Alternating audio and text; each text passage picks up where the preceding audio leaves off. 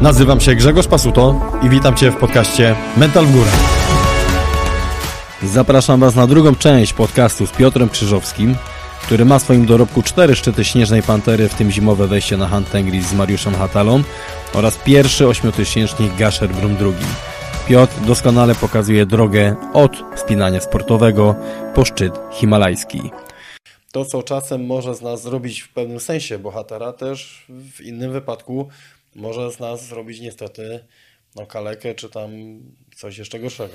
Wiesz, nie, nie będę y, oszukiwał i mówił, że wiedziałem, że wszystko się skończy dobrze, bo tego nie wiedziałem. Wiedziałem, jaki zapas energii mam trenując, e, wymuszając ten wys wysoki wysiłek tutaj na dole, mniej więcej wiedziałem, gdzie są te moje progi, e, że jeszcze, że jeszcze jestem w stanie dość sprawnie się po, mm, poruszać na góry.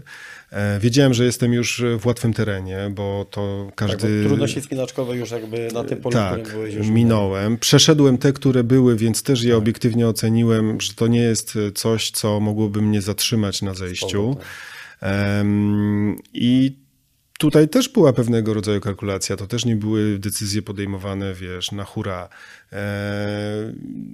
Zaszedłem dość daleko i nie chciałem się już cofać z tego, więc y, tak jak powiedziałeś, w pewnych kręgach ktoś by powiedział, to była głupia decyzja, ale mm, ona, ja, dla, ja ją dość mocno przeanalizowałem, dlatego też nie oceniam decyzji ludzi w górach. Tak jak y, bardzo często mamy w y, Polsce wielu ekspertów, którzy mówią, a to była błędna decyzja, to było źle zrobione, jest. E, którzy siedzą sobie w jakimś komforcie i oceniają tak. pracę innych bądź decyzje innych. Nigdy nie, stawię, nie, nie miałbym takiej odwagi, żeby się postawić w miejscu osoby, która podjęła czasami decyzję, która ją całe życie będzie obciążać. Dlatego uważam, że ta odpowiedzialność, którą bierzemy na siebie, również w takim zespole, jak się wspinamy w dwójkę, my musimy znać granice, w których mówimy sobie, posłuchaj, tutaj e, jest już taki obszar, gdzie działamy w jakiś sposób sami, żebyś ty nie obciążał mnie, ja nie obciążałbym ciebie, ale oczywiście gdybym był w sytuacji, w której mój partner uległ wypadkowi, to w życiu nie poszedłbym do góry i nie zostawiłbym go. No wiadomo, że będę go ratować. Powiedz mi, jak czułeś e, się na szczycie? Rozumiem, że wrzucisz nam ten filmik. tak, tak, filmik. Jak filmik... już czułeś, że zbliżasz się, już, znaczy wiedziałeś, że to już będzie, że będziesz na tym szczycie, że e, osiągniesz swój cel, powiedz mi, jak się czułeś? Słuchaj, to są bardzo częste pytania e, w ramach różnych projekcji. Jakie jest uczucie, jak jesteś na szczycie góry wysokiej, która tak bardzo e, dużo cię kosztowała?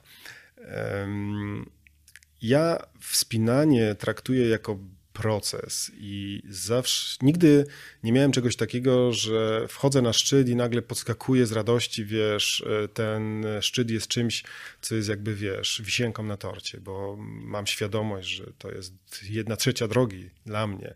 Jeszcze dwie trzecie to jest najgorsze, jest zejście, to jest najbardziej niebezpieczna e, część spinania. Mm, więc tej euforii nigdy takiej nie ma, bo jest zawsze y, taka mroźna kalkulacja, dobra, tutaj nie mogę zbyt długo być, bo jest już późno, muszę, muszę się zebrać. Oczywiście wchodząc na Hana, no, odczułem bardzo duże, wiesz, takie zadowolenie, że mhm. udało mi się dotrzeć do tego szczytu. Tym bardziej pod kątem takich warunków, które tam były. Tak, wiedziałem, że te warunki, nawet wtedy chyba sobie nie do końca mhm. zdawaliśmy sprawę z tego, co my zrobiliśmy, bo to była taka szalona wyprawa, mało dwójki, mało znanych ludzi, którzy się po prostu wybrali, nie robili wielkiego show wokół tego, pojechali, zrobili, wrócili i tak później nas trochę przytłoczyło to, co się wokół tego wydarzyło. Ja jeszcze, wiesz, będąc na szczycie, wyszedłem na, na ten nawis śnieżny, e, żeby dotknąć tej najwyższej mhm. wysokości, bo tam jest taki triangul na, tak. na tym e, miejscu skalnym. E, przy czym bałem się już tam dalej troszeczkę przechodzić, bo nie wiedziałem, jakie warunki są tego nawisu. E, no i podjąłem już e, bardzo krótko, szybkie nagranie, dzięki właśnie Hatiemu, który mi dał swój telefon. Też, kurczę, wiesz, miał tam cały materiał no swój tak, i, tak. I, i, i, przekazał mi ten telefon, żeby mieć jakiś e, dowód, że, że tam dotarłem. Oczywiście jeszcze lokalizatory i inne rzeczy. Ściągałeś rękawice, żeby nagrać? E nie pamiętam. Chyba tak, albo nosem obsługiwałem, bo to, bo to był dotykowy niestety telefon, więc coś tam kombinowałem. Wiem, że nie chciałem ruszać czołówki, bo przymarzła Aha. i takie nagranie jest troszeczkę, wiesz, starałem się tylko ją jakoś lekko przesunąć, żeby nie oślepiała telefonu. A wiadomo, że też jak y, ręce są, że tak powiem, już troszeczkę naczarpnięte tą temperaturą, to, to nie mają wszelkie, czucia, wszelkie tak. ruchy u góry, czy gdziekolwiek tak naprawdę bojaźń, że coś po prostu zepsujemy jest, jest duża. Powiedz mi, bałeś się zejścia? E, tak, bałem się zejścia i to zejście naprawdę odbywało się w takim bardzo bezpiecznym stylu. Tych elementów skalnych e... miałeś tam przykładowo taki jeden moment, w którym szedłeś do góry i wiedziałeś, że tutaj szczególnie będziesz musiał zwrócić uwagę? Wiesz co, każdy element tam był trudny, mhm. bo, bo po pierwsze ta świadomość, że już za tobą nikt nie idzie, więc jeżeli się coś wydarzy, to Dokładnie. nikt po ciebie się nie wróci. Więc to było dla mnie e, jasne, że Hati jest na zejściu i on nie będzie miał siły na to, żeby wrócić, a kolega jest odmrożony, więc Czyli tak samo... Mit Czyli to jest ja tam że... zostaję sam, tak? I na, nawet nie miałbym do niego pretensji. Nie mógłbym mieć, e, wiesz, e, pretensji do kogoś, kto jest po ataku szczytowym, nie ma za bardzo siły, żeby się no sam poruszać, więc um, też e, mam świadomość, w jakim momencie byliśmy. Nie było tam dużego zespołu. Nasz partner, który był również na tej wyprawie, Mariusz, miał odmrożenia i też chciał jak najszybciej schodzić. Mariusz czekał na was trójce, tak? On czekał na nas trójce, ale też miał założenie, że jak nie wrócimy do rana, to on po prostu schodzi, tak? No bo to tak, jest musi... jego bezpieczeństwo, jego zdrowie. Dokładnie. Więc e, to zejście było dla mnie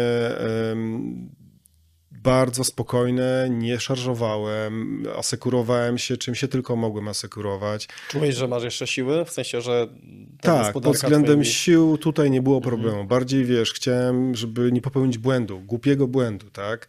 Na zjazdach, bo używałem jakichś lin, które tam mhm. były zawieszone. Niestety te liny były w bardzo kiepskim stanie. Bo... A całkiem obciążałeś jakby swoim e, ciałem przy zjazdach, czy tak jakby troszeczkę też próbowałeś się podetrzeć? Wiesz co, starałem się nie obciążać, bo wiedziałem, że coś może pójść nie tak. Przy czym były takie momenty, gdzie faktycznie nie było innego wyjścia mhm. i E, i jechałem na tej linie. Był taki moment, gdzie dojechałem, wiesz, do liny, która była już e, rozpruta i powiedzmy wisiały tylko trzy fragmenty jakiegoś tam rdzenia. Próbowałem ją wyciągnąć, żeby ją przewiązać, no ale to już ona była na tyle krótka, że nic nie dało zrobić. E, nic nie mogłem przybrać, bo, bo, bo się nie dało i po prostu musiałem zjechać na tym, na czym było, delikatnie się przesuwając, żeby dojechać do jakiegoś miejsca, gdzie mogłem się przetrawersować do kolejnej jakiejś liny i, i coś złapać, więc to zejście faktycznie, e, to tam wymodliłem wszystkie swoje zdrowaśki snane. czyli, czyli tam kredyt zaufania wyczerpałeś. Bardzo mocno, bardzo mocno też, wiesz, myślałem o swojej rodzinie, wiedziałem, że muszę do nich wrócić, więc tutaj się mocno koncentrowałem na Było tym. Było to dla ciebie też mobilizacją właśnie, jak schodziłeś, że miałeś myśli o rodzinie, czy cały czas był fokus jednak pod kątem zejścia? Czy też jakby te czynniki właśnie zewnętrzne, o których mówimy, rodzina i tak dalej. Wiesz co, rodzina jest bardzo dużym imperatywem, żeby wrócić z gór, bo jak sobie to zaczynasz układać, że kurczę, no przecież ja tu nie mogę zostać, tak? tak? Ja mam dla kogo żyć, ja muszę wrócić, ja mam syna, mam córkę, mam żonę, chciałbym im jeszcze tyle rzeczy pokazać, gdzieś e, w tylu miejscach z nimi być, no to, to też jest dodatkowy bodziec, który cię mobilizuje, dodaje, dodaje ci sił, tak? I e, stąd też, tak jak wcześniej mówiliśmy, ważne jest to, jak masz tą przystań, tu masz poukładane i wiesz, że wracasz, że są osoby, które, które na ciebie czekają. Wiesz, to zejście było faktycznie, ten wiatr się bardzo mocno wzmógł, już nieżyjący mm, Jetstream Manager, który nam e, robił pogodę, no to on to określił, ocenił na jakieś 80 km na godzinę, mm. bo z tych prognoz, które tam były i z To, że jest taki wiatr, który może przerzucać po prostu. Tak, no ja miałem tam przypadek, gdzie faktycznie ja, jadąc na, na linię, e, zjeżdżając, e, wiatr uderzył do mnie w taki sposób, że wiesz, uderzyło mną o skały mm. i przemiotło na stronę kazachską, więc e, tak sobie zawisnąłem i, i, przyglądałem się. Co dalej? Co dalej, tak. A powiedz mi, wyszedłeś e, na szczyt, czyli wyjście na szczyt było o której godzinie? Gdzieś około godziny 20, po 20 parę I minut. powrót do bazy? Wróciłem do bazy o czwartej nad ranem, bazy, do, przed do, czwartą, tak. No. Także to zejście trwało bardzo długo. E, tak jak mówię, wolno, asekurowałem każdy zjazd, starałem się bezpiecznie dotrzeć, żeby, żeby gdzieś nie popełnić błędu, bo tak jak mówię, no wiedziałem, ja tam już jestem sam, nikt po mnie się tak. nie wróci. Powiedz mi, byłeś świadomy już e, odmrożeń, które następowały? Czy w trakcie jakby już czułeś ten moment, że to już może przechodzić na drugą stronę? Wiesz, czułem, że coś jest nie tak, że te palce są zgrębiałe, że one już tak nie pracują, e, że już nie mają takiego czucia. Mm, Póki jeszcze się wspinałem do góry, sam wspomniałeś o trudnościach technicznych, e, jednak dużo było wspinania na rakach, dużo było takiego skalno-lodowego e, wspinania. Tego śniegu tam nie było bardzo dużo, tam było bardzo dużo skały i lodu, więc te raki mocno pracowały i być może też e, to wymusiło w jakiś sposób e, tą pracę tych przednich, tych palców. No ale później jak już e, schodziłem, to, to, to czułem e, lekkie zgrębienie. E, W dłoniach podobnie, przy czym tutaj no, zostały mi jakieś takie elementy, wiesz, odmrożeń na zasadzie tylko czucia. One już będą z tobą Ale to jest taki e, standard życia każdego człowieka, który działa w górach wysokich. Mm, i Przekładałem sobie rękawiczki, wiesz, jakoś dogrzewając się, żeby, żeby móc e, operować też sprzętem na zjazdach. Nie byłem Mhm. w stanie w samej łapawicy zjeżdżać. No więc tutaj troszeczkę to też było ko- konsekwencją takiego działania, no ale innego wyjścia nie było. No jak już, e, wiesz, zszedłem na przełęcz, e, też e, poruszałem się, bo tam przełęcz jest dość uszczelniona, zresztą Mariusz wpadł Tak, tak. do szczeliny, idąc do, do, w sumie już do, widząc nawet naszą e, szczelinę brzeżną z, z, tą, z tą jamą śnieżną. Mm, Później jeszcze miałem tam przeboje, bo zjechałem na tej naszej poręczówce, a Mariusz tak zafiksował taką małą linę poręczową, która przeprowadzała nas przez szczelinę, że nie mogłem jej dosięgnąć. Więc ki- kilkanaście tak minut ustawił. rzucałem jakąś taśmą z karabinkiem, żeby Chwycić złapać, ją. bo on ją dociągnął do końca i wbił gdzieś tam, przyhaczył do jakiegoś Mhm. e, kijka. No, w końcu jakoś wydostałem się z tego. Pamiętam, mam takie zdjęcie, jak wchodzę do tej jamy, wiesz, Mariusz zadowolony, bo faktycznie mówi, że po prostu no, nie wiedział, co się dzieje na tej górze. Zrobił mi jakieś picie i, i w sumie pogadaliśmy trochę, z godzinę jeszcze gadaliśmy, popatrzyliśmy na te swoje palce, wiedzieliśmy, że Mieliście siłę jeszcze rozmawiać po ataku? Tak, no w trakcie, wiesz, przebierania Mhm. się, także to wszystko później, e, wypoczynek był, można powiedzieć, iluzoryczny, bo o ósmej już e, podjęliśmy decyzję, że musimy, o ósmej wyszliśmy na dół. Tak. Zaczęliśmy schodzić, wiedzieliśmy, że każdy, każda godzina przebywania tam, pogoda się dość mocno pogarszała, zaczęło sypać, zaczęło mocno wiać. W trakcie tego naszego zejścia mijaliśmy lawiniska, które tej nocy zostały wymuszone przez, e, ten wiatr. Spadło bardzo dużo, tak, bardzo dużo lawin na, na tą naszą drogę zejścia.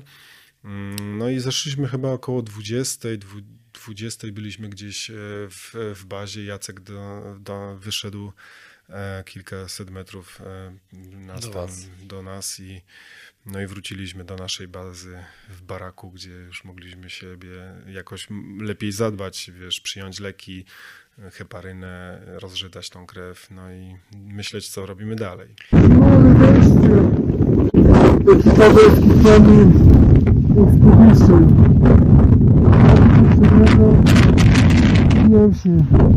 Co?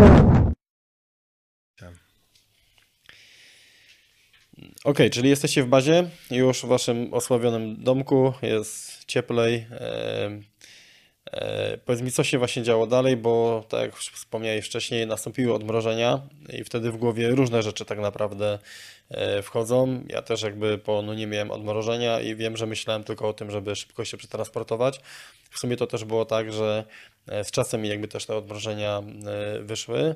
Natomiast wiem, że u Was akcja była dosyć i decyzja o ewakuacji dosyć szybka, no i jak najbardziej pożądana, nie? Pod kątem tego, co mieliście.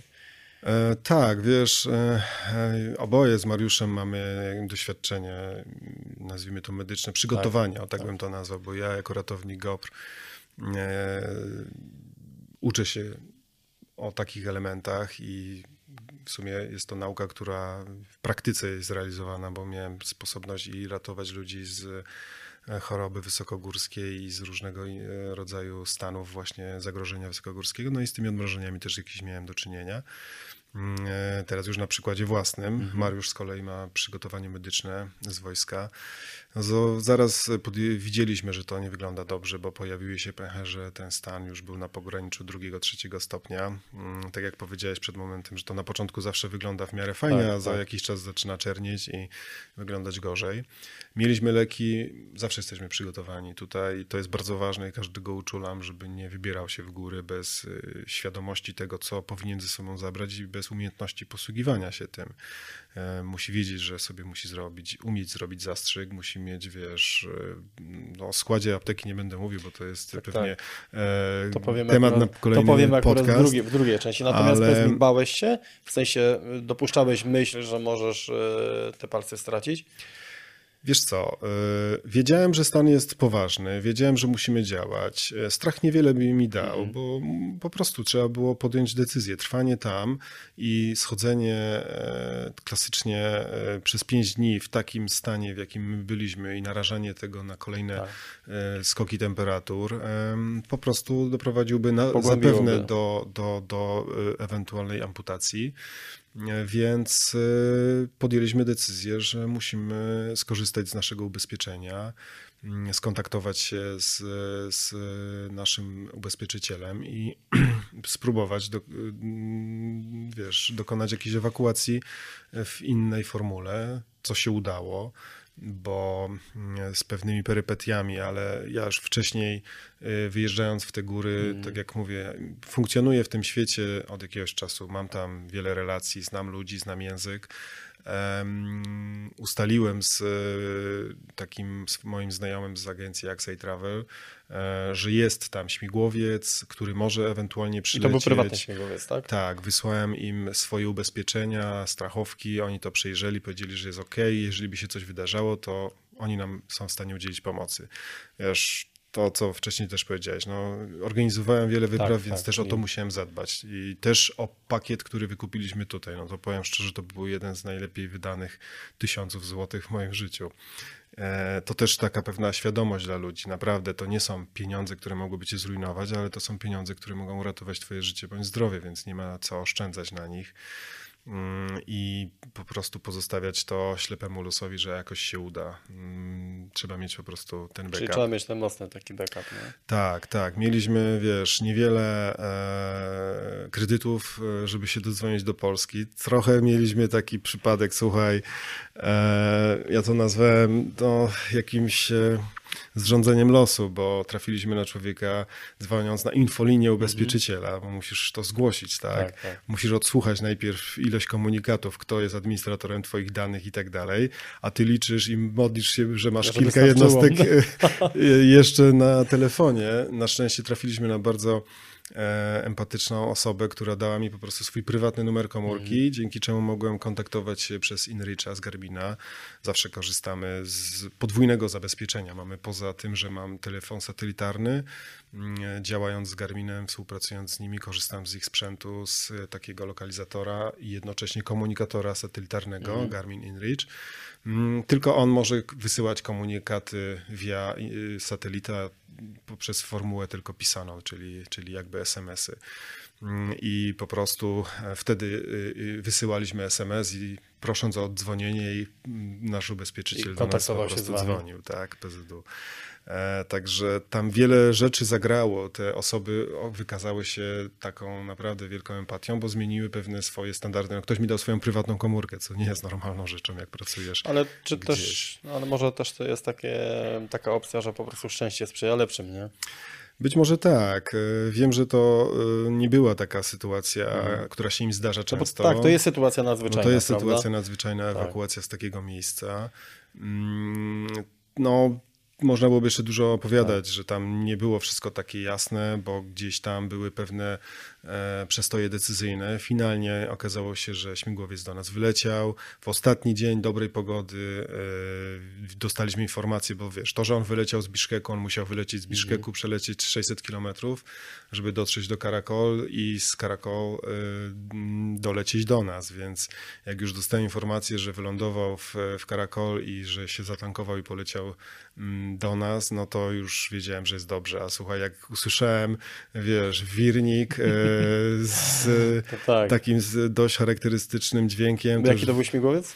to był Eurocopter 350, więc e, bardzo, bardzo dobra, nowoczesna maszyna. e, Niewielka, stąd Tak. też e, Nie widzieliście wszystkiego. nie byliśmy w stanie się ewakuować pełnym składem. Była decyzja, że możemy polecieć albo w dwójkę, albo w czwórkę, ale bez sprzętu. Nasza decyzja była taka, że zostawiamy sprzęt, y, że, że, że lecimy w czwórkę, Mm. no bo kolegów nie chcieliśmy też tam zostawiać, no ale koledzy powiedzieli, że jednak oni tego sprzętu nie chcą zostawić, więc zabraliśmy... Ale coś tam wzięliście ze sprzętu jeszcze, prawda? Tak, tak. Zabraliśmy wszystko, co nie było Mhm. im niezbędne do, do przemieszczania się, żeby ich jak najbardziej Odciążyć. odciążyć. I, I ten śmigłowiec też, e, wiesz, e, ja w Goprze, ty pewnie w wojsku przyjmowałeś wiele razy śmigło, więc e, byłem przekonany, że no nie masz szans na takiej półce, gdzie my tam mieliśmy ten domek, to było, wiesz, kilka metrów Tak, i zaraz tak. było zbocze, a tutaj była przepaść e, do moreny lodowca, jakieś 50 metrów. Mm, Więc e, byłem przekonany, że on po prostu tylko podleci, pokaże nam i zląduje sobie na, na tym. Nawet nie przygotowałem e, lądowiska, bo, bo, bo nie liczyłem na to, że, że natrafimy na takich kozaków. A jak zobaczyłem, że facet się przymierza, wiesz, wyczujesz to Mhm. na śmigle, że on zbiera się do lądowania, no to na prędce, wiesz, rozgarnąłem to, to, ten śnieg, przygotowałem lądowisko, przyjąłem go, troszkę jeszcze przesuwając, bo się tak dość niebezpiecznie gdzieś w kierunku tych skał zaczął przesuwać. No i goście wylądowali, słuchaj, naprawdę na takim skrawku, że szapoba. Czyli można powiedzieć, że goście kozaki. Tak, ale to wszystko wojsko, wiesz, Tak. wojskowi piloci. E, A tam, du- czas... a tam dużo latają, tam Tak, trzeba powiedzieć. tak, cały czas trzymali śmigło na gazie, e, my wrzuciliśmy te nasze bety, no i wiesz, start, zejście w, na dół i po prostu wrażenie, no niesamowite, że jesteśmy, wiesz, już w miejscu i możemy lecieć, tak. Yy, Potem wiadomo, nie będziemy tu wchodzić jakby w arkana jakby kwestii tych medycznych, bo to myślę, że jest w ogóle osobny temat jakby naszej rozmowy. Myślę też, że nie sięgniemy tutaj po e, inne szczyty jakby Śnieżnej Pantery. Nie wiem dlaczego akurat zaczęliśmy pierwszy wywiad mówiąc pod kątem tego najważniejszego twojego przejścia, które prawdopodobnie zrobiło taki du duży przeskok mentalny, bo powiedz mi ile e, właśnie te zimowe wejście, jaki to był dla ciebie przeskok taki właśnie mentalny? Pod kątem dalszych planów. By, było to coś takiego, że miałeś taką świadomość, że kurde Piotrek, no zrobiłeś naprawdę coś dobrego, bo przecież e, otrzymaliście potem wyróżnienie, zostaliście zaproszeni do PHZ-u. Można powiedzieć polski świat spinaczkowy, alpinizmu, on to zauważył. Nie tylko polski, bo takie rzeczy są monitorowane. Czułeś po prostu, że to było coś wielkiego? E, Robiąc to nie, bo my, tak jak mówię, porwaliśmy się tak e, bardzo naturalnie na ten cel, że to jest świetny cel, że to jest w ogóle fajna wyprawa i że to, jak nam się uda zrobić, to będzie naprawdę kupę fajnego wspinania. I dopiero jak wróciliśmy, mm, cały tam zbieg wydarzeń, znaleźliśmy się w szpitalu, e, w, w szpitalu Rydygiera w Krakowie na oddziale pani doktor Chrapusty, e, którą pozdrawiam serdecznie, bo naprawdę udzieliła nam mega profesjonalnej opieki i tam już na nas wszyscy, wszyscy czekali, to było w Tak. ogóle, wiesz, przylatują Znaczy, alpiniści. sprawa, była, sprawa była nagłośniona w Polsce, także Tak, tak, więc y, zaraz leczenie w komorze hiperbarycznej. Jak Tak. sobie tam leżeliśmy przez te 10 dni w tym szpitalu e, w, z tymi naszymi odmrożeniami, gdzie cało, codziennie jakieś konsylium się wokół nas zbierało i pokazywali nas palcami. badań. To są ci, popatrzcie, bo są inne odmrożenia niż do tej pory dostajemy. patrzcie, czyli- notujcie, uczcie się, bo, Tak, bo odmrożone. może już długo nie pojadą na wyprawę. Dokładnie, ale naprawdę zrobili kupę dobrej roboty i myślę, że to, że szybko się ewakuowaliśmy, y, kontaktowaliśmy się z doktorem Szymczakiem, który nam bardzo mocno pomógł i też wykazał w ogóle wielkie zrozumienie Nic- dla nieznanych gości. Wiesz, w niedzielę przerwał tam swoje życie i, i, i nam trochę po, poopowiadał, co tam trzeba, co mamy brać i jak mamy działać. Ale to też chyba Ale taką- finalnie skończyło się Tak. tym, mówił, spierdzielajcie do Polski, jak możecie.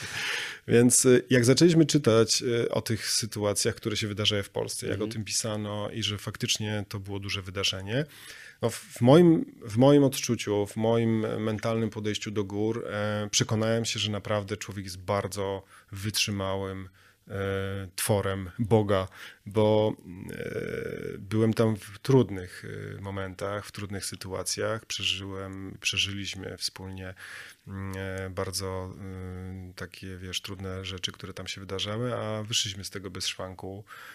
Dzisiaj działam, wspinam się, funkcjonuję, mam wszystkie palce u rąk i u stóp, więc to mnie wiele nauczyło. To była góra, która w moim e, myśleniu zmieniła bardzo wiele. Nie boję się zimy. Wiem, mhm. że to, co mnie spotkało na Hanie, to nie było coś. To, było, to było naprawdę kawał dobrego, dobrego działania. Tak jak y, wspomniałem tutaj, Jetstream Manager porównał to nasze wejście z racji przesunięcia E, gór, e, gór Tienszana o 1000 km w stosunku do Himalajów na północ, na wejście zimowe na 8000 niski, taki wiesz, do 800, 8200 z racji warunków i, i sytuacji, która tam miała miejsce, więc e, wiem, że, mm, że jestem w stanie sobie poradzić takim, w takim trudnym klimacie wysokogórskim. A wcześniej jak czytałeś odnośnie jakby wejść zimowych polskich Himalajstów chociażby, ale też nie tylko, właśnie zimą, pokryło to się to, co czytałeś w książkach z tym, co spotkało Cię e, na tej górze? E, tak, przy czym te wyprawy, które do tej pory, o których czytałem, to były zazwyczaj duże wyprawy, gdzie była dość duża zamienność ludzi, gdzie była E, możliwość Support e, supportu, wsparcia, ratownictwa. Tutaj wiele rzeczy musieliśmy na samym początku się z tym zgodzić, że nikt po nas tam nie, przyleci, nie przyjdzie, że nam z, z obozu nikt nie tak, pomoże, tak, tak. tak? Czyli jakby na górze jesteśmy sami. Nikt tam nie doleci na jakiś wysoki obóz, mogą nas tylko zgarnąć z base campu i to się w sumie wydarzyło. E, I wiedzieliśmy, że jesteśmy zdani na, sam, na samych siebie, że jesteśmy czteroosobowym zespołem, każdy ma bardzo wielki e, wkład w to, co się tam będzie wydarzać, że wiesz, jeżeli coś się wysypie, no to tak naprawdę rozsypuje się wyprawa.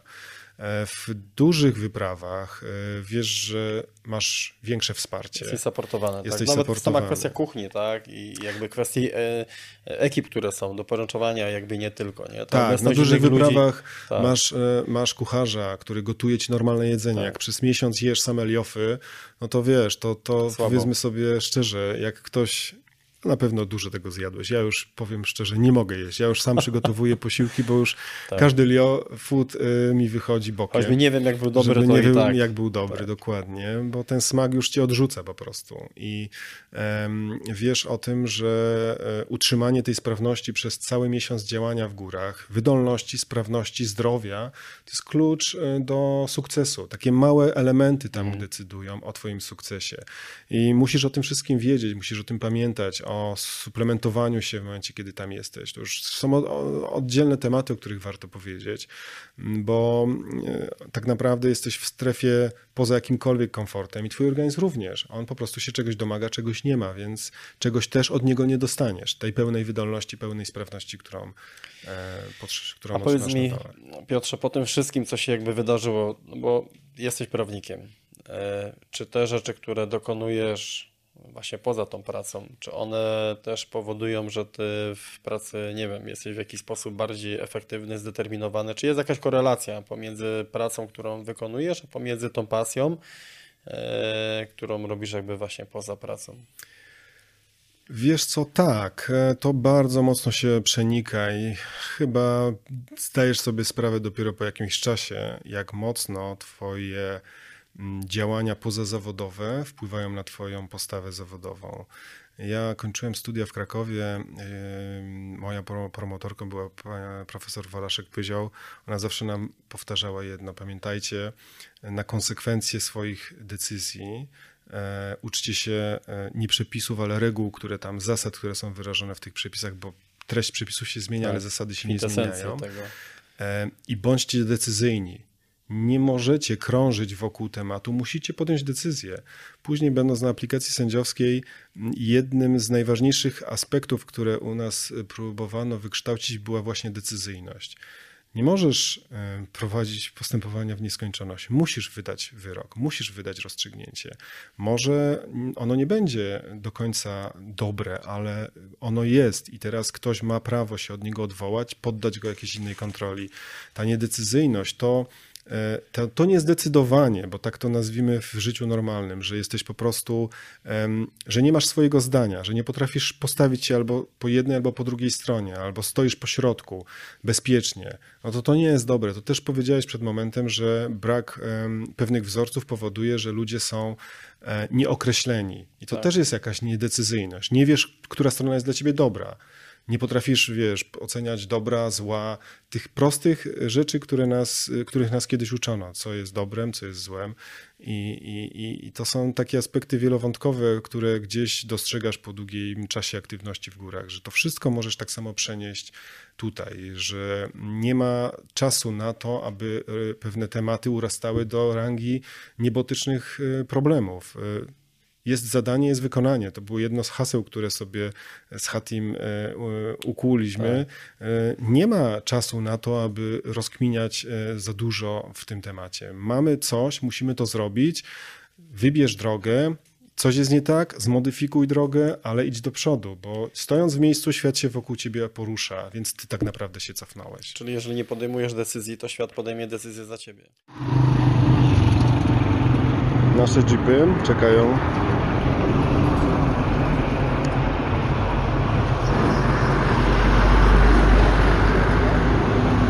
Bagaż już wyjechał.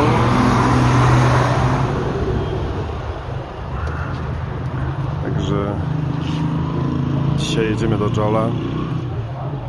Około 8 godzin.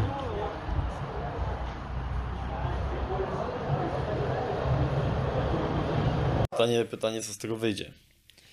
E, okay, bo nie wiem, czy nam nie umknęło właśnie ostatnie kwestie naszej rozmowy, natomiast e, to, co ja pamiętam, to powiedzieliśmy o tym, że jeżeli my nie decydujemy o swoim życiu, to decyduje ktoś inny. I to jest jakby w wielu kwestiach e, naszych aspektów, nie? które robimy jakby na co dzień. Powiedz mi, e, już tak jakby kończąc finalnie temat tego alpinizmu w tej części jakby pierwszej, osoby, które nas słuchają, oglądają, co ty byś mógłby tak naprawdę im przekazać pod kątem tego, jeżeli mają jakiekolwiek wahania, jeżeli czują, że są, nie wiem, niedoskonali, że przykładowo nie mają odpowiedniego sprzętu, że może nie mają jeszcze odpowiedniej, nie wiem, zdrowia, e, wagi odpowiedniej, mentalu, powiedz, co one przykładowo mogą zrobić, żeby rozpocząć swoją drogę e, do realizacji swoich marzeń. To niekoniecznie muszą być góry, to może być cokolwiek innego. Mm, wiesz, w czasie moich spotkań z ludźmi często pytają o pewne moje motywy działania, ale też staram się zawsze przekonać, przekazać taką wiedzę i też taki e, swój punkt widzenia, że e, nie ma rzeczy niemożliwych dla nas. E, ja również, gdybym cofnął się kilkanaście lat wstecz, to nigdy w życiu bym sobie nie powiedział, kurczę, będę oglądał wschody i zachody słońca na 8-7 tysięcznikach i przeżywał rzeczy, o których tylko czytałem w książkach.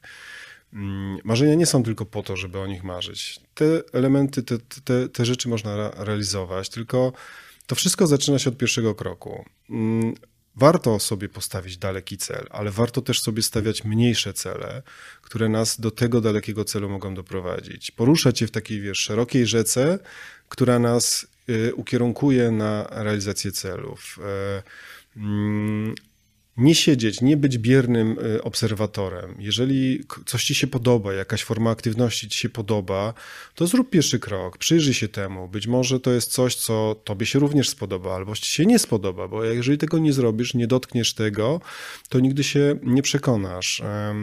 Także y, niekoniecznie góry, to co powiedziałeś. To jest, y, człowiek może mieć naprawdę wiele pasji, ale ta przestrzeń, którą chce którą wykształci dzięki swojej pasji. To jest taki wentyl bezpieczeństwa, y, który pozwala mu dobrze funkcjonować w życiu, bo mm, jest wiele obszarów, w których y, spędzamy czas razem, z rodziną, z dziećmi, E, różnie życie przebiega. E, te dzieci zazwyczaj się wykształcą, odchodzą gdzieś w swoim kierunku. E, nie oczekujmy, że co weekend będą z nami spędzać czas, bo ich świat już jest innym światem. Podobnie, mm, jeżeli, no wiadomo, coś może się wydarzyć, zostaniemy sami. Gdy będziemy tylko żyć dla swojego małżonka, współmałżonka, no to nie znajdziemy tej przestrzeni dla siebie. I nie wytrzymamy długo na tym świecie, więc posiadanie pasji jest takim e, według mnie mm, wentylem bezpieczeństwa pozwalającym każdemu e, na zdrowe i dobre funkcjonowanie w życiu. Nie bójmy się podejmować wyzwań, nawet tych małych, nawet tych, które e, pozoru wydawałyby się, wiesz, czymś głupim, ale to jest twoja decyzja. To ty to zrobiłeś, tobie się udało, kolejne może być większe, kolejne jeszcze większe, aż w końcu e, obudzisz się w takim momencie, że kurczę, no ale zmieniło się moje życie. Robię teraz takie rzeczy, o których kiedyś nawet nie marzyłem. To jest bardzo ważne. E, Tim Glover właśnie w jednej ze swoich książek napisał, że skoro czytasz tą książkę, to znaczy, że jesteś już na dobrej drodze i że jesteś zmotywowany, że tak naprawdę szukasz pewnego rodzaju potwierdzenia w tych słowach tej książki po to, żeby usłyszeć coś, co ty już wiesz. Też tak uważam, że jeżeli ktoś przykładowo w danym momencie e, swojego życia słucha przykładowo tego podcastu, to myślę, że on też jest jakby już na dobrej drodze. Natomiast też, e, jeżeli chcemy zrealizować swoje cele, uważam, że bardzo ważnym aspektem jest taka krótka analiza. Jeżeli patrzę, że jestem tu, gdzie jestem, w okolicznościach i w takich znajomych, którzy determinują mnie, że jestem w tym właśnie momencie swojego życia, to pierwszą chyba rzecz, którą ja też mógłbym jakby dołączając się do tego, co powiedziałeś, e, szukać ludzi, szukać yy, otoczenia, które przede wszystkim będzie sprawiało, że ja staję się lepszy, że mogę realizować przykładowo tą swoją pasję, czy to jeżeli mówimy o kwestiach górskich, czy jakieś sekcje spinaczkowe, e, cokolwiek takiego, gdzie ja będę w towarzystwie ludzi, którzy mają tą pasję jakby w sobie. Zresztą e, na wszelkich e, festiwalach górskich, tak naprawdę jak wchodzimy już na ten festiwal i widzimy ludzi gór, którzy tam są, to tam aż kipi po prostu, że tak powiem, o takie atmosfery, takiej pozytywnej aury, bo są osoby, które są high performance, czyli jakby z tej górnej półki i są osoby, które po prostu chodzą sobie gdzieś tam po Beskidach. Natomiast ta atmosfera y, tych spotkań jest jakby niesamowita. Dlatego też uważam, że y, słuchanie takich podcastów, chodzenie na prelekcje, które też jakby ty organizujesz, y, szukanie właśnie te, tej wspólnoty ludzi, którzy potrafią cię wznieść troszeczkę wyżej też jest bardzo ważne. Natomiast jeszcze takie pytanie dla ciebie, czy jesteś do ciebie, czy jesteś zwolennikiem takiego miękkiego nakłaniania, czy czasem tak naprawdę, jeżeli ktoś ma, ma przyjaciół, to czy warto, żeby ten przyjaciel czasem nam powiedział dosadnie, stary, po prostu weź się w garść, rusz dupę, bo bez tego po prostu jakby nic nie zrobisz. Eee, jakby ta pierwsza część, o której powiedziałeś, tak zgadzam się z Tobą. Jak jesteś w grupie ludzi, którzy, którzy mają wspólną pasję, to napędzacie się nawzajem do podejmowania pewnych działań, do podnoszenia swojego poziomu, i tutaj to jest bardzo ważne szukanie tej, tego środowiska. Jeżeli chodzi o drugą część pytania, e, czyli wiesz, w jaki sposób oddziaływać na ludzi, e, to to to jest bardzo osobnicze. Zależy z kim masz do, do czynienia. Ty masz przyjaciół, ty ich znasz, ty wiesz, że na jedną osobę podziała takie, wiesz, szarpnięcie i powiedzenie stary obudź się, bo błądzisz, a innych musisz y, przekonać inaczej, bo oto oni muszą natrafić na tą decyzję. Ja w swojej pracy, ale też w górach, to wszędzie się tak przekłada, że najlepszym Najbardziej zmotywowanym człowiekiem do pewnego działania będzie człowiek, którego umiejętnie naprowadziłeś na to, aby zaczął działać tak, jak ty chcesz działać, żeby to był jego pomysł, jego idea, bo on będzie za tą ideę, będzie w stanie umrzeć. Jeżeli to będzie zadanie do wykonania, któremu ty nałożyłeś, to on go będzie postrzegał jako coś obcego, a jeżeli to będzie jego własne przemyślenie, którego zapalnikiem byłeś ty, to uwierz mi, zrobi to e, e, bardzo, bardzo e, poświęci się dla tego.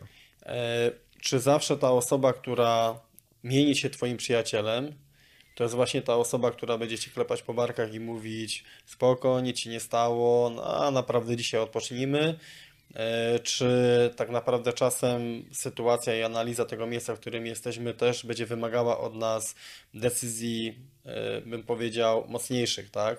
Wiesz o czym mówię, że e, często postrzegamy swoje środowisko, ludzi obok siebie, jako właśnie takie e, środowisko wzajemnej adoracji. Czyli jeżeli ktoś właśnie nikt nie wyrzuca mnie z tej strefy komfortu, to jest ok, a jakby nie chce tego zmieniać. A ktoś przykładowo, nie wiem, e, zareaguje na mnie bo ja przykładowo od 10 lat mówię, że chcę schudnąć, ale nie chudnę. I w końcu ktoś przykładowo powie mi, słuchaj, nie mówisz prawdy, po prostu y, to, co mówisz przez te 10 lat, jakby nie jest adekwatne do tego, co robisz. Y, I oczywiście my się możemy obrazić na taką osobę, możemy czuć się jakby zranieni. Natomiast też uważam, że przyjaciel to jest przede wszystkim osoba, która też właśnie będzie nam mówiła prawdę w każdej sytuacji. Nie tylko wtedy, kiedy ona jest fajna i brzmi cukierkowato, tylko właśnie w każdym momencie życia, bo wtedy jakby możemy tak naprawdę na nią liczyć, bo wiemy, że ona tak naprawdę chce naszego dobra. No ale teraz zdefiniowałeś przyjaźń tak naprawdę, bo powiedziałeś coś, co jest e, kwintesencją. No, nie potrzebuję przyjaciół, którzy mnie klepią po, po, po, po ramieniu, po plecach i mówią, stary, jest dobrze. Potrzebuję wokół siebie ludzi, którzy czasami, a w górach to jest naprawdę no, coś bezcennego, bo za, zafiksowany na szczyt, w gorączce pewnych działań, y, możesz pewnych obiektywnych y, wydarzeń dookoła ciebie nie zobaczyć. Jeżeli ufasz partnerowi, a z takimi osobami się wspinam, to wiesz, że ta osoba ci powie: Słuchaj, stary, zatrzymaj się, patrz jak wyglądasz, patrz co się z tobą dzieje, nie dojdziesz, nie wejdziesz, y, przesadziłeś, musisz podjąć decyzję o odwrocie. No to jest dla mnie przyjaciel, który ci po prostu pomógł. On podjął tą decyzję nie myśląc o tym, kurczę, on mnie może już przestanie lubić. No trudno, przestanie mnie lubić, ale ja mu powiedziałem prawdę, jaka jest sytuacja. Um, Oczywiście w życiu bywa różnie i to trzeba, tą prawdę czasami można dawkować. Można komuś powiedzieć e, coś e, bardzo obrazowo, a można kogoś troszkę naprowadzić boczkiem na to i to jakby od ciebie zależy, jak komuś powiesz tą brutalną prawdę. Ale ja e, oczekiwałbym od swoich przyjaciół po prostu, żeby byli wobec mnie szczerzy, no bo po co mi przyjaciel, który mi będzie opowiadał nieprawdę. A tak wygląda no co tu dużo mówić, obiad, który idzie z nami pod Gaszerbumę. W sumie to dwa. E, Himalajzm i ogólnie alpinizm jakby nie jest sportem tanim, e, więc powiedz mi, jak wygląda kwestia pozyskiwania przez Ciebie środków na te wyprawy? No bo wiadomo, gdzieś tam pewnie budżet zamyka się tym, co ty możesz jakby włożyć, no i całą resztę tak naprawdę potocznie rzecz biorąc musisz kombinować. No tak, to nie jest tania pasja, szczególnie, że z wielu kosztów i, i, i z wielu, wiesz, wydatków, które tam musisz ponieść, no nie jesteś w stanie zrezygnować, nie możesz sobie pewnych rzeczy odpuścić. Te wyprawy, które do tej pory organizowałem, czyli szczyty Śnieżnej Pantery i, i wszystkie wyjazdy do Kirgistanu, do Tadżykistanu, no to się udawało zrobić naprawdę w jakichś budżetowych, niedużych pieniądzach. Ale no. przeciętnie taki, załóżmy, niech to jest Piglenina, y, to przeciętnie jaki to jest koszt? Nie mów, y, ile jakby ciebie to wyszło, mhm bo wiadomo, mogłeś dać troszeczkę mniej, jakby więcej, natomiast taki przeciętny koszt jakby pikulenina to oscyluje w jakiej granicy? Wiesz co, można się tam udać i powiedzmy zrobić wyprawę za 10 tysięcy. Mówię też o locie tak. i o powrotnym.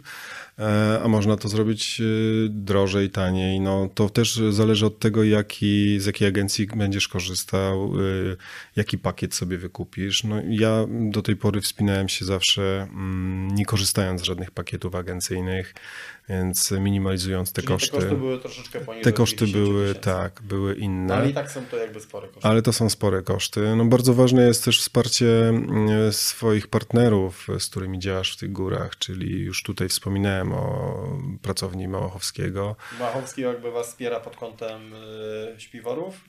Tak, z Bartkiem pracujemy. No, wiadomo, że on jako y, producent odzieży puchowej i kombinezonów, y, śpiworów, no to tutaj mamy to mocne wsparcie, y, które, które dzięki niemu osiągamy. W pozostałym zakresie przez dwa lata byłem członkiem teamu Salewy wspinaczkowego, no więc też Salewa mocno wspierała naszą działalność.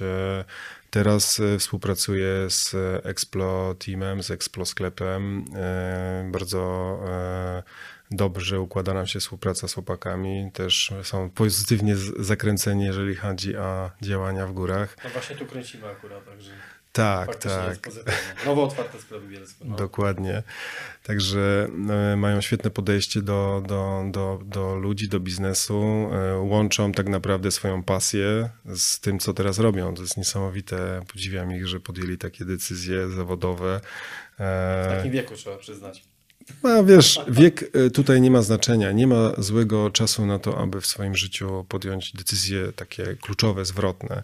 My nawet nie wiemy, e, znamy czasami sławne osoby, które swoje największe sukcesy odnosiły Tak, tak. już naprawdę w dojrzałym wieku, więc to nie jest żaden wykładnik i posługiwanie się też często ktoś mówi, słuchaj, ja już jestem za stary na takie rzeczy. To jest naprawdę y, wielkie kłamstwo i nie powinno się tak myśleć. To jest, to jest jakiś taki właśnie dokładnie e, takie wytłumaczenie, żeby pewnych wyzwań nie podejmować. Więc e, no, te działania trzeba zagregować wiele, wiele czynników, które zadecydują o tym, żebyś w te góry wysokie pojechał.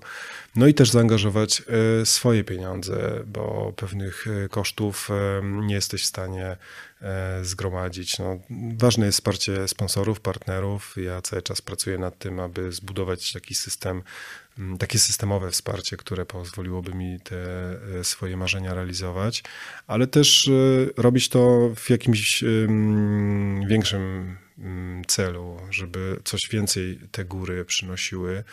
Mm, Staram się zawsze e, w czasie każdej z wypraw e, zostawić jakiś coś tam po sobie, e, tak aby lokalna ludność czy osoby, które tam spotkałem, no, nie miały tylko tej okazji zarobić, bo byliśmy tam, tak. Teraz działając z chłopakami z Explotimu podjęliśmy taką akcję pomocy mm, dla jednej z rodzin w Pakistanie. E, To był taki wyjątkowy przypadek e, Hamida, który był e, członkiem ekipy, która była jakby organizowała nam Basecamp. Mm, I Hamid, zaprzyjaźniliśmy się bardzo. To był A człowiek. był kucharzem, czy jakby inny? Hamid zajmował się naszą mesą, donosił te posiłki, które tam kuchnia przygotowywała, ogarniał dla nas to wszystko. No i ta kontakt z Hamidem był bardzo pozytywny. E, Hamid zawsze tam coś na lewo dla nam przyniósł z kuchni, z tych zapasów, które były na kłódkę zamykane, więc to em, bardzo e, przydatna dla obu stron e, relacja.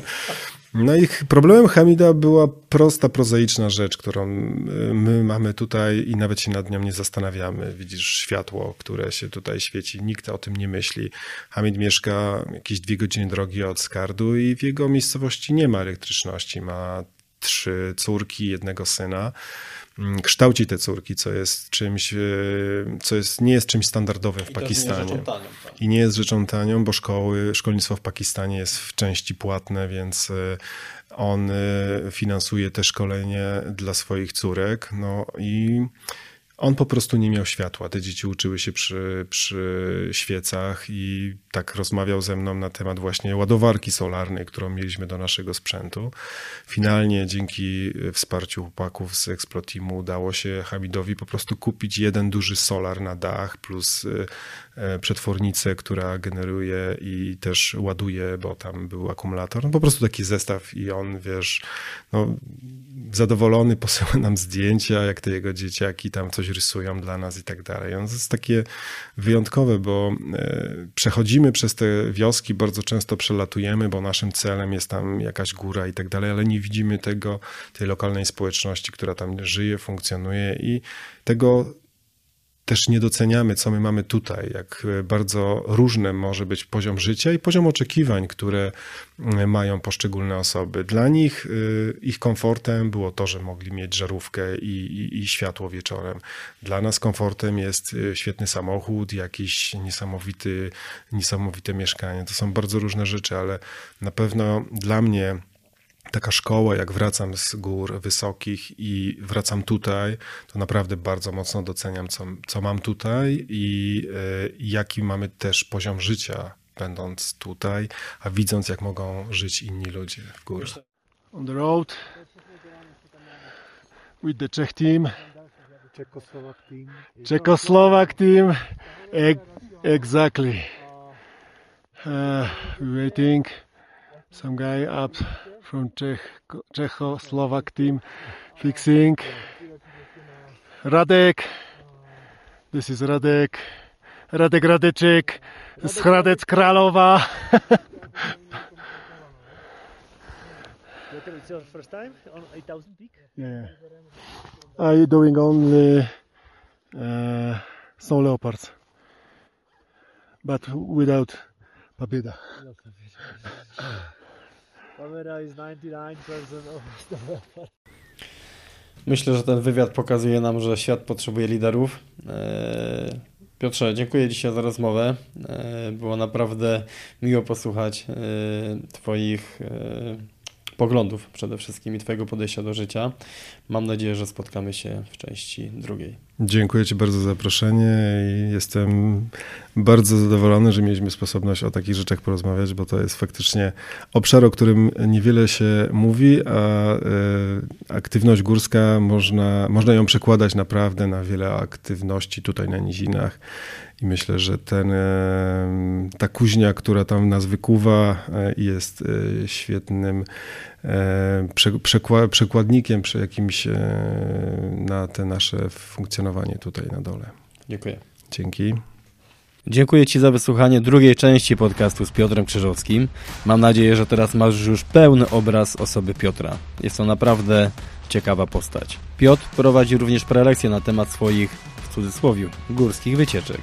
Natomiast jeżeli chciałbyś obserwować Piotra w social media, zerknij na Facebooku na Beskid Expedition Team oraz Statą na szlaku. Partnerami podcastu są Paris Adventure oraz sklep górski www.exposklep.pl, który ma swoje siedziby również w Będzinie i w Bielsku Białej.